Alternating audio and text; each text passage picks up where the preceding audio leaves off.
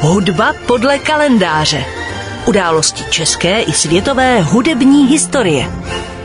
Dnešní hudba podle kalendáře připomene českého skladatele a houslistu světového významu Jana Václava Antonína Stamice. Byl pokřtěn 19. června 1717, tedy před rovnými třemisty pěti lety. Jeho význam tkví především v objevu klasické cyklické sonátové hudební formy, podílu na výstavbě čtyřvěté symfonie a také rozšíření nástrojového obsazení orchestru. Svým způsobem Stamic předešel dobu a jeho svěží a odvážné hudební nápady obdivoval i Wolfgang Amadeus Mozart. Zpočátku se proslavil jako houslový virtuos, později byl oslavován i jako dirigent. Založil takzvanou Mannheimskou školu, z níž vyšli další skladatelé klasicismu. Rodina Stamiců pocházela ze slovinského Mariboru a skladatelův děd přišel do Čech počátkem 60. let 17. století. Prvním doloženým hudebníkem ve Stamicově rodě byl skladatelův otec Antonín Ignác Stamic, který se stal varhaníkem, regenschorym a učitelem v německobrodském děkanském kostele.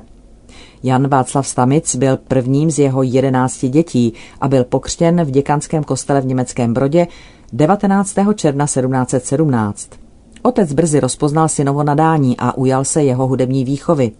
Další hudební vzdělání získal Stamic na jezuitském gymnáziu v Jihlavě a v roce 1735 začal studovat na univerzitě v Praze.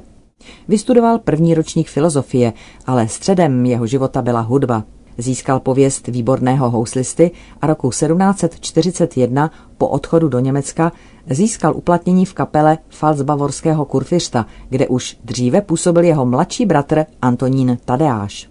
V roce 1742 jako houslový virtuos osilnil na koncertě konaném u příležitosti císařské korunovace ve Frankfurtu nad Mohanem. Vedle interpretačního umění se ovšem už začal prosazovat i jako skladatel. V roce 1744 se Jan Václav Antonín Stamic oženil. O rok později se mu narodil syn Karel Filip, o dalších pět let později další syn Antonín a v roce 1754 syn Jan Antonín. Celkem měl pět dětí. V dějinách hudby je Jan Václav Stamic spojen především s Mannheimem. Ve službách kurfiřta Karla Teodora se Jan Václav Stamic stal koncertním mistrem a v roce 1750 ředitelem komorní hudby. Soustředil okolo sebe řadu vynikajících hudebníků a Mannheimský orchestr získal evropskou pověst. Stamic a jeho orchestr měl významný vliv na vývoj klasicistního hudebního slohu, a to především v oblasti symfonické tvorby – v době, kdy vrcholilo baroko, dokázal Stamic ve svých vrcholných dílech stmelit nové slohové prvky, které se už předtím rozptýleně objevovaly v dílech italských, vídeňských, německých i starších českých skladatelů a položil tak de facto základ klasicismu. Od roku 1751 s velkým úspěchem několikrát koncertoval v Paříži, kde získal právo k tisku vlastních skladeb a tak také v průběhu let 1755 až 63 vyšla v Paříži většina jeho děl. Jeho zásluhou byly také orchestrální koncerty v Mannheimu, dříve určené pro úzký okruh privilegovaných posluchačů a později zpřístupněné široké veřejnosti.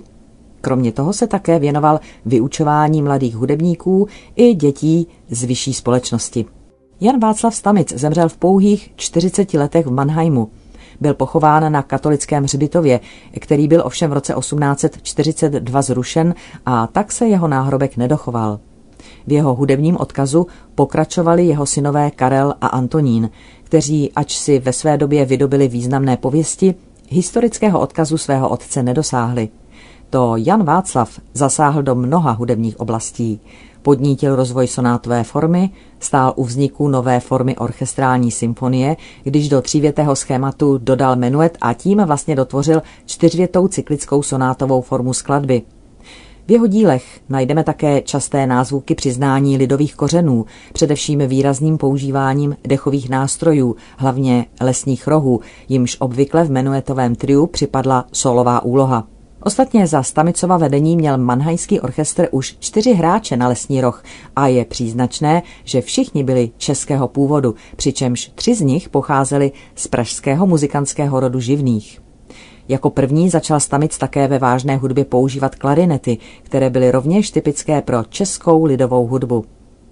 Jan Václav Stamic napsal asi 74 symfonií, z nich se dochovalo 58, přes stovku triových a ostatních sonát, 14 houslových a 11 flétnových koncertů a dále koncerty pro klarinet, trubku, řadu orchestrálních trií či kvartetů. Komponoval i skladby duchovní, mše, árie, litánie. Hudba podle kalendáře.